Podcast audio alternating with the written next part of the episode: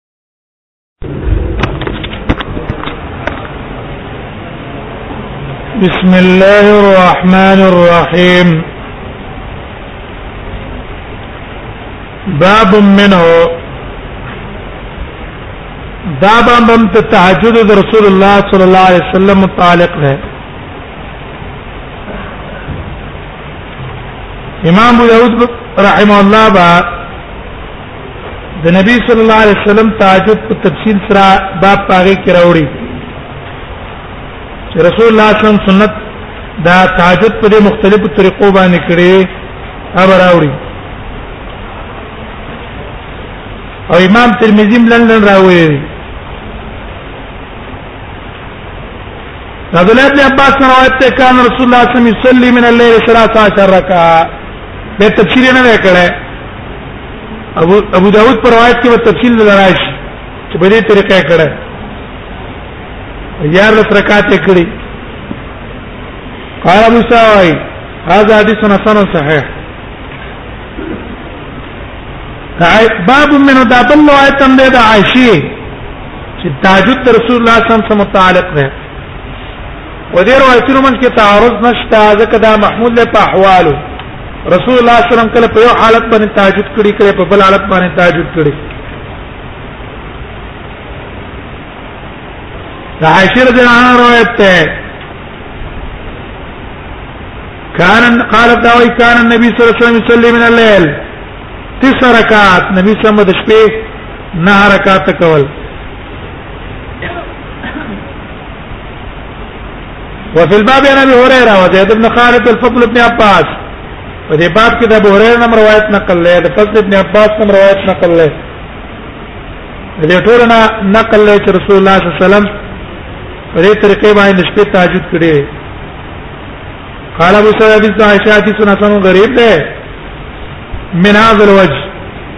وروى سفيان الثوري عن الأعمش نحو هذا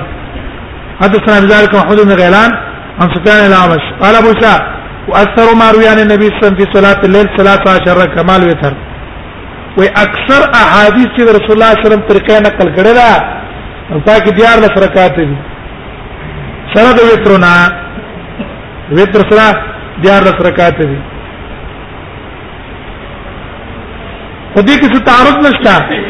کله رسول الله صلی الله علیه وسلم کړي بیا لس کړي کله راګه نه کم کړي نه کړي محمود دې په مختلف احوالو قال ابو شاوي واقل ما وصف من صلاه من الليل او کم چې د نبی صلی الله علیه وسلم صفت مانزه د شپې بیان شوی دی تسع رکعات نه رکعات دي نبی صلی الله علیه وسلم نه کم رکعاتونه د شپې نقل دي نه رکعات دي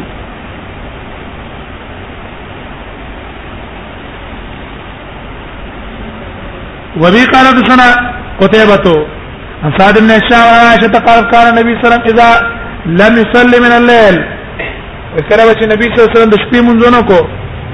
منعه من ذلك النوم دا غي د وجنه منع شو د خوب د وجنه او ته پاتې شو او غلبت وینا او یا سترګې به غالب شوي صلى من النهار 16 رکعه ورځ به دولس رکعات وکړو دې کې به مسله ده ده د شپې د نبی تر پاتې شي د دې قضا بجوف تراوړې کوي تر به راوړې نه یو قول علماء دا ده کوي تر د شپې پاتې شو نور خاتنه بات به کې جوت به راوړې ذکر رسول الله صلی الله علیه وسلم بسوکړه 16 رکعه کول کنه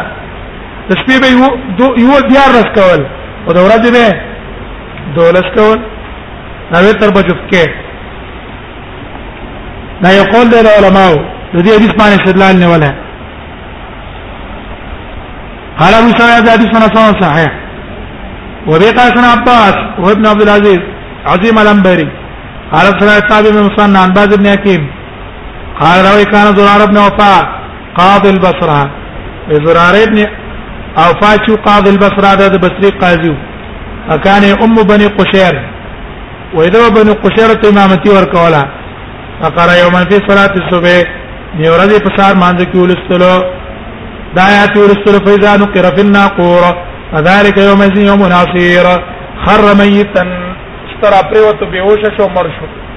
ډیر د یری د وجنه وکنت فی من احتمله الی داره او زه په چا کې مې دې پورته وړیو دا دې راوی څوکړل دا دې راوی صفته وکړو زرار ابن ابي وفا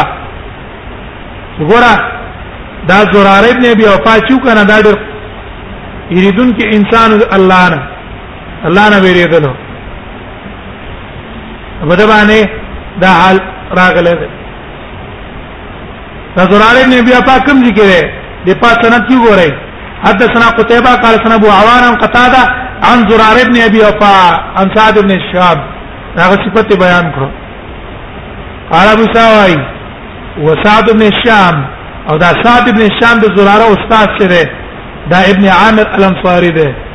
او هشام ابن عامر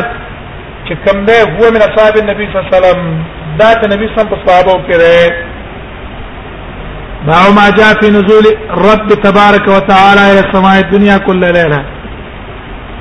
باب بیان دا هغه حدیث کې چې پاکي بیان شوی دی را کوزیدل د الله تعالی اسمان د دنیا ته هر شپه سلف عقیده دا ده چې الله د عرش ته پاسه دی اسمان د دنیا ته په آخرت د سې د شپې کرا کوزيږي کما یلیق بشانه کما یلیق بشانه دا بنوای چې الله را کوشو عرش خالی شو دا قصې عقلیات په کې نه جنگو کیفیت هم نه بیانو مثال به مصنور کوو ان ډیر کسان ابن تیمیه رحم الله ته نسبت کوي چې ابن بطوطه داغه کتاب ته ابن بطوطه سفرنامه بعض کسان علاقو ته سفر کوي نه خپل کارګزاران ته کې بیان نه رحلی په نوم باندې داغه مرحله ده حالدار شاته ابن بطوطه کتاب نه شاته رسو شاګرد لیکل لري نو پاری کې دا لیکل دي چې ما ابن تیمیه په دمشق کې ولیدلو چې د جمعې پر ورځ باندې بیان کاو او نزول ویل او راکوشو د پوړې نه ودی چې راکوزی شي په ګور ابن تیمیه مشبعه ده لیکن دا نسبت ابن تیمیه ته غلط ده یو خدا دا ابن بطوطه کله تلو دا غي نمک ابن تیمیه په جیل کې او به سره د جیل نه راوتل نه ده په جیل کې امر شوی دی نو ته کوم ځای نه ویل چې د مشک کې جماعت نه را کوش دا چې افتراض په ابن تیمیه ابن تیمیه عقیده د سلف په شان ده الله اسمان د دنیا ته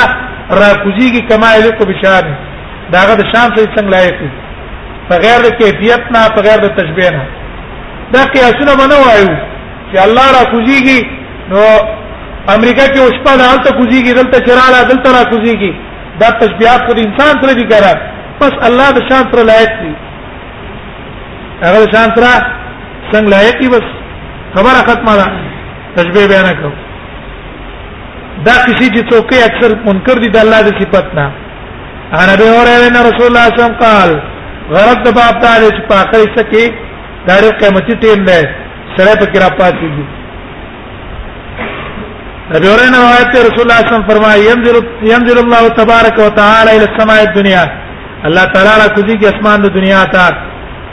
كل ليله هر شپه حين يمضي ثلث الليل الاول کله چې تیر شي شپه دا درې مې څه د شپې اورانه یې اورانه څه د شپې تیر شو الله را کوزيږي ويقولون الله وي انا الملك زباتشاهم من ذا الذي يدعوني فاستجيب له څوک دی هغه چې زمانه دعاګانې غواړي فاستجيب له ذول دعاګانې قبول کړم من ذا الذي يسالني څوک دی چې زمانه سوال کوي په اوتی او ذول ورکم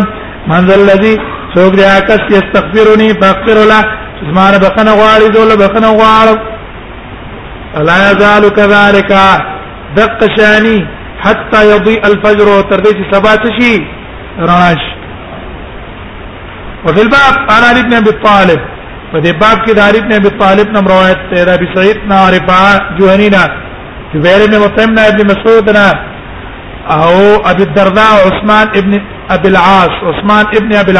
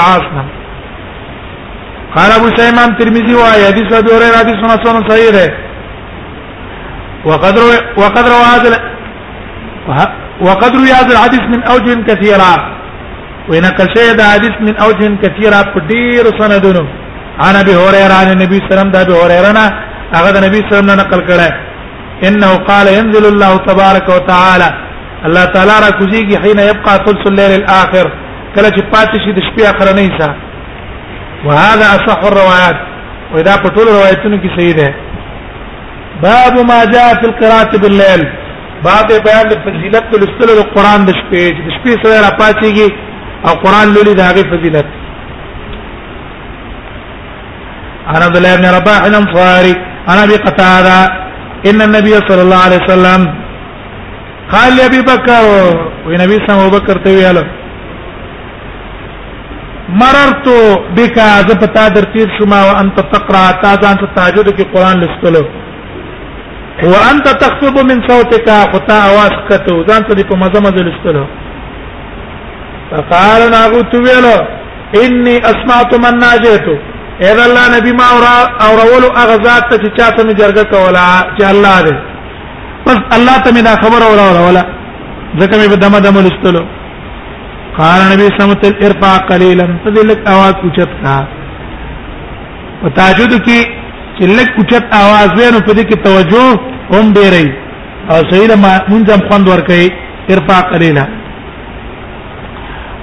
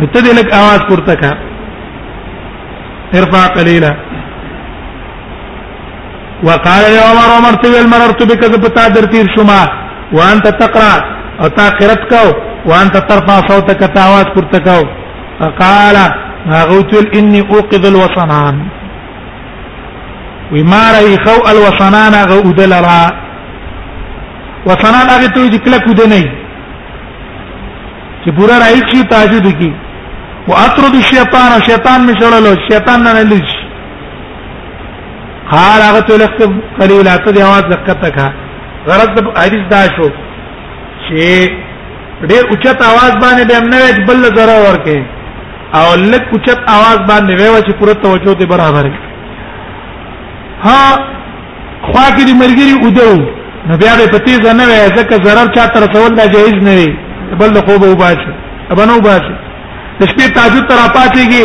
او لوټه دې درک درک د خيږي نور د خوب وباسي نه په دما کار وکا دروازم په دما بندوا او بم په دما راواخلا چې بل مرګره د خوب نه خراب نه کې دغه دا نفلي عبادت ته ځان له نفلي عبادت کې هغه مرګري ته ویاله چې تر پاتېږي موږ هم را پاتوا به په هغه ټیم کې را پاتولې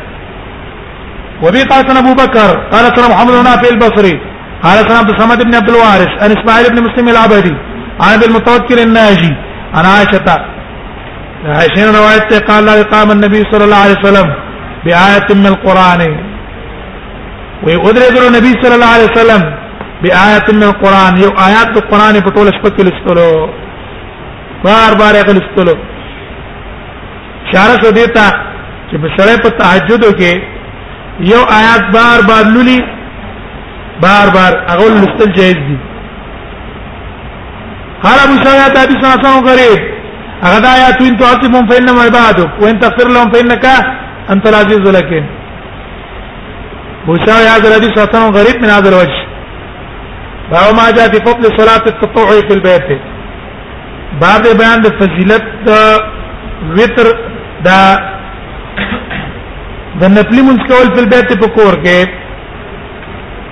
په کور کې سره راپاسيږي او سنت په کور کې کې نوافل په کور کې کوي او فرض من صرف په جمعات کې کوي د دې فضیلت جعفر ابن عبد الله ابن سعيد ابن ابي هند هغه روایت نقل کړی د سالم ابن نضرنا عن بشر بن سعيد عن زيد بن ثابت عن النبي صلى الله عليه وسلم قال نبی صلی الله فرمای افضل صلاتکم فی بیوتکم وی بهترین مونږ تاسو هغه مونږ دې فی بیوتکم چې په کور کې وکړي کور کې چې مونږ کو دا مونږ بهتر ده الا المکتوبه مگر فرضی مونږ فرضی مونږ دا په جمعات کې بهتر ده په کور کې بهتر نه ده او بالباب په دې باب کې عمر بن خطاب نم روایت ته جابر بن عبد الله نبی سعید نبی هريره نه ابن عمر نه عائشین عبد الله ابن سعد زید ابن خالد الجوانی نه قال ابو اسحاق حديث زيد بن ثابت حديث حسن ده وقد اختلفوا في روايه هذا الحديث هذه اختلاف کړه پر روایت دي حدیث کې موسی ابن عقبہ او ابراهيم ابن بن نضر هغه دا روایت مرفوع نقل کړه ده نبی صلی الله علیه وسلم ته واوقفه بعض او بعض کسان موقوف کړی دی زید ابن ثابت باندې چې هغه دا قول کړی دی لیکن دغه موقوف هم په منځله د مرکو د ذکر کې اجتهاد چلیږي نه ورواه مالک نه بالنظر ولم يرفعه امام مالک دا بالنظر نقل کړی دی او مرفوع کړی نه والحديث المرفوع اصح وي مرفوع روایت صحیح ده حدثنا اسحاق بن منصور قال سنا عبد الله بن نمر عن عبد الله بن عمر النافع عن ابن عمر عن النبي صلى الله عليه وسلم قال صلوا في بيوتكم ولا تتخذوها قبورا وکورونه کې منځونه کوي ولا تتخذوها قبرونه ته ما جوړوي ابو داود کې دوه معنی کړی کنه یو معنا دا چې مړي په کور کې مخه کوي سایو محترم دی عزتمن انسان دی مشر دی شیخ دی هغه په کور کې نه دفن کې عام دي لکه حق د مسلمانانو لیکن محمد رسول الله صلی الله علیه وسلم دینه مستثنا ده او انبیات مستثنا دي ځکه نبی چې کوم ځای کې مرشي الته به دفن کیږي دیو جن رسول الله صلی الله علیه وسلم د عائشه په کوټه کې دفن شوی دی دا صرف خصوصیت رسول الله صلی الله علیه وسلم دی هغه باندې به اعتراض نه کوي دا د خصوصیت ده ځکه کوم ځای کې چې نبی مرشي الته به دفن کیږي بل ځای ته به نه وره نور لا تتخذوا قبورا زين لا تتخذوا قبورا معنا دا ده چې کورونه قبرونه مو جوړوي لکه په قبرونو کې ذکر نشته عبادت نشته تلاوت په قبر کې نه مونږ په قبر کې نه تام د هغه نه قبر جوړ کو عبادت طاعتونه په کې نه کېدام ولا تتخذوا قبورا قال ابو سعيد حديث حسن صحيح دا حديث حسن صحيح ده ابواب الوتر باب بیان ابواب د وتر کې دا غي تفصيلات دا یو قسم سنت دي لیکن په دې کې تاکید ډېر دی په ظاهر امراغلي الک اختلاف هم دی په حکم کې نو باو ما جاء فی فضل الوتر باب بیان د فضیلت د وتر کې پیدا وتر یو وګت مسله ده دیو جن علماء په دې کې مستقل رساله لیکلي او پاکي مشهور کتاب ته د محمد ابن نصر المروزي دروایتونه مرفوع امر راوړیو آثار امر راوړیو سره د سندونو نه ورستو د یو عالم را لګیدل مقرزی هغه را لګیدلې چې سندونه دې کټ کړی د اختصار د د وجه نه نشته چې خراب کړی دی کتاب یې څکو چې سند یې نه خو سند په وزر دی وزر یې ټکټ کړی نو اوس کې د نصر مروزی کوم حدیث راوړی دی نو بل ځکه به ګورو سند تا او که بل ځکه سند ملاو نشي نو پورا یقین پاګې نشي کولای چې دا څنګه ده دا نقصان یې کړی دی هغه تفصیلی کتاب دی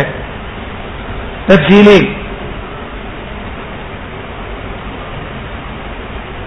نو دیو جن علماء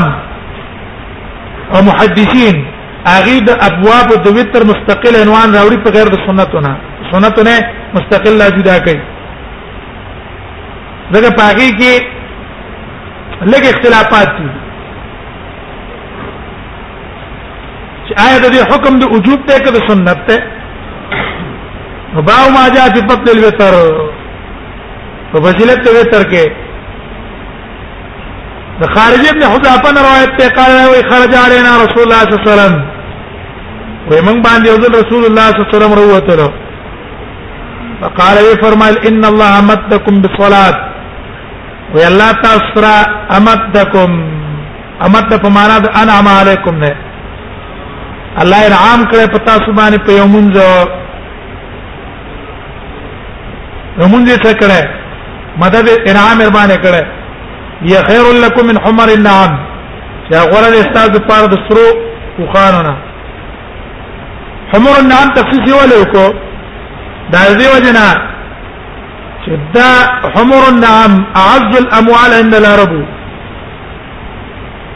د عرب په نسبت قیمتي عزتمن معلوم دا شینو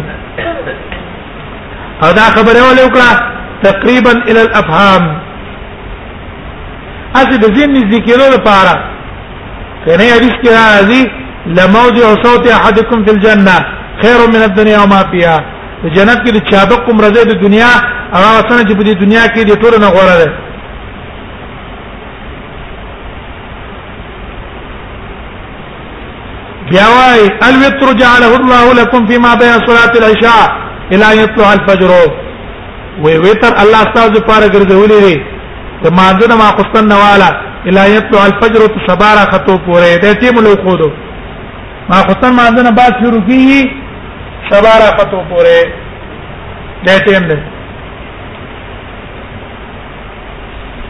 د دینه د فضیلت معلوم شو د فضیلت او په دې باندې علما د استدلال نه ولا چې دا ګوره فرض نه دی فرض نو فرض وې نو امتکم په ځای به اوجب علیکم ویل او فرض علیکم به ویل او امت ویل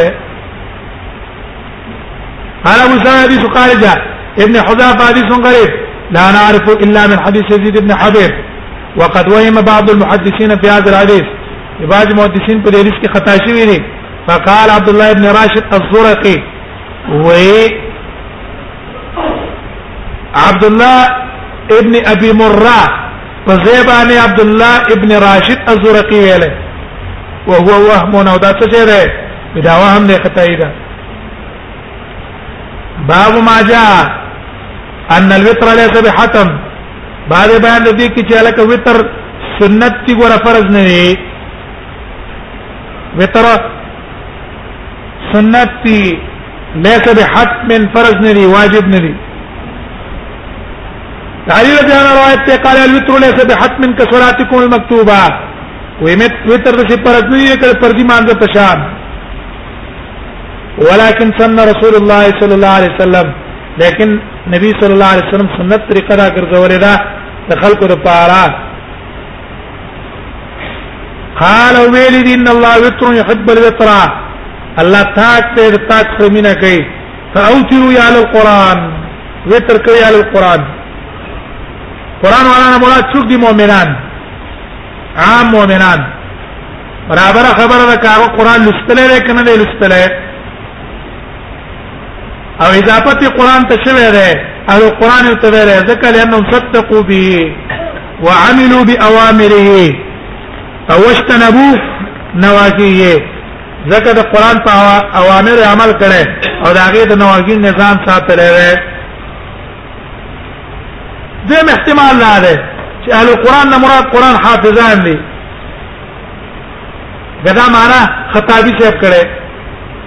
او بیا د وتر نه مراد د شپې تهجد دي فاوتروا د شپې تهجد کو یا القرآن یا القرآن حافظانو او یا علماو دا د تخصیص حکم دي ته ولې کړه ولې مزید شرطهم والاهتمام بهم د پاره د مزید شرافت ته دی اهتمام دریو اگر که وتر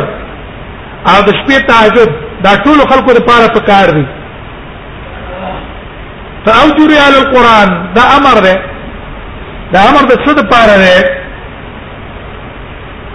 جمهور علما وايي من الصحابه والتابعين چې دا امر د پاره د استحباب ده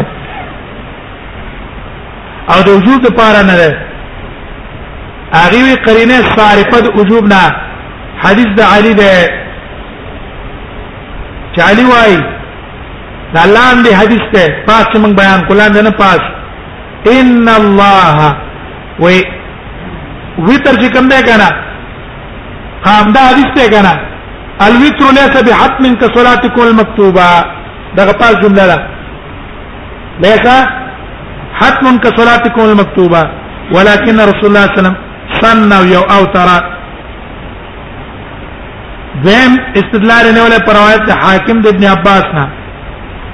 وی رسول الله صلی الله علیه وسلم فرمایي صلاه هن علی فرائض ولکم تطوع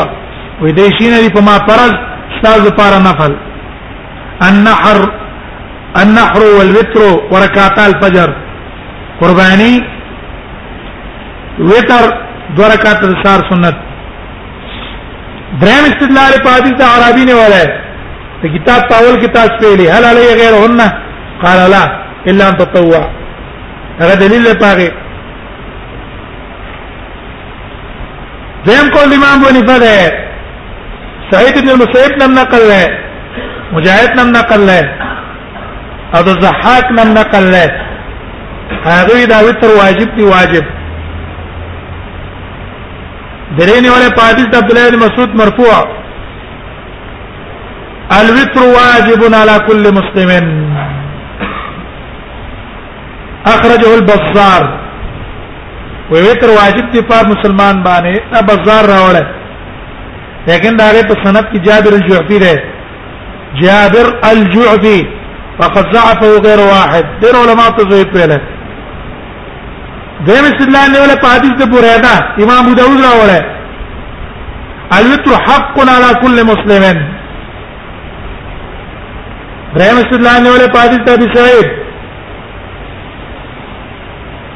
من نام عن وتر یو نسیه امام ابو داود راوړی من نام عن وتر نو نسیه فليصلي اذا ذكر دی امر د پاره د وجوب ده او وجوب القضاء فرض د وجوب الاذا یو شی فرضی نه دغه قضا هم فرضی نو امر چې موږ ته په قضا کړې خو دلیل دی چې د وجوب کنه جدا بکې څلورم استدلال نیولې په حدیث د مسند احمد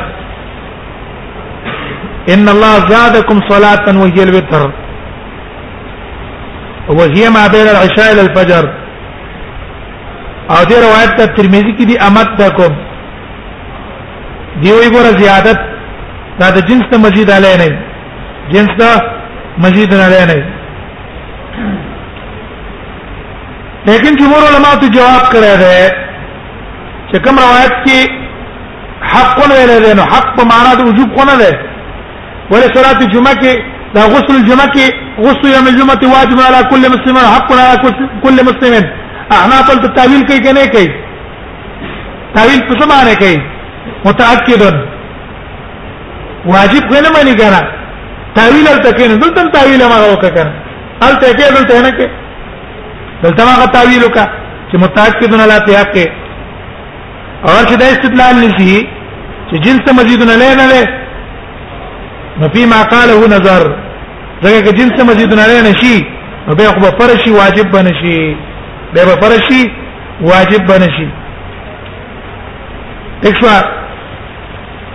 چې جنس د مجنانین شو واجب شو کنه شو فرض شو کنه حالات احناف ته څه وایي احناف ته فرض وي واجب ته نه وي تاسو په قول کې نظر ده فرض بشي واجب بنش او په دې باندې خو چا قول نه کړي دیم احتمال لا ده چې مراد په زیادت په حدیث کې څه ده الزیادت فی الخير الله تعالی په خیر کې دا زیادت کړي ولیکن کوم نو ګورو عام الزینو کې د دې اختلاف لفظي دی اختلاف څه دی لفظي صرف په یو ځکه سمره د اختلاف راوځي چې هغه دار په سورلې باندې وتر جایز دي کنه نه جایز احناف په فرض دي نه جایز جمهور علما وایي سنت جایز دي باقي احناف هم د وتر قضا وایي جمهور هم وتر قضا وایي تارک د وتر ته جمهور هم پاسق وي احناف هم تسوي پاسق ته وي دا اختلاف لفظي شو لو تري على القران وفي الباب عن ابن عمر وابن مسعود وابن عباس قال ابو سعيد حديث علي حديث حسن ده وروى سفيان الثوري وغيره عن بساق ناصر بن زمرة عن علي قال يتر ليس بحتم دا فرض نه کې هيئه الصلاه المكتوبه د فرض مانده پشان ولكن سنه سنه رسول الله صلى الله عليه وسلم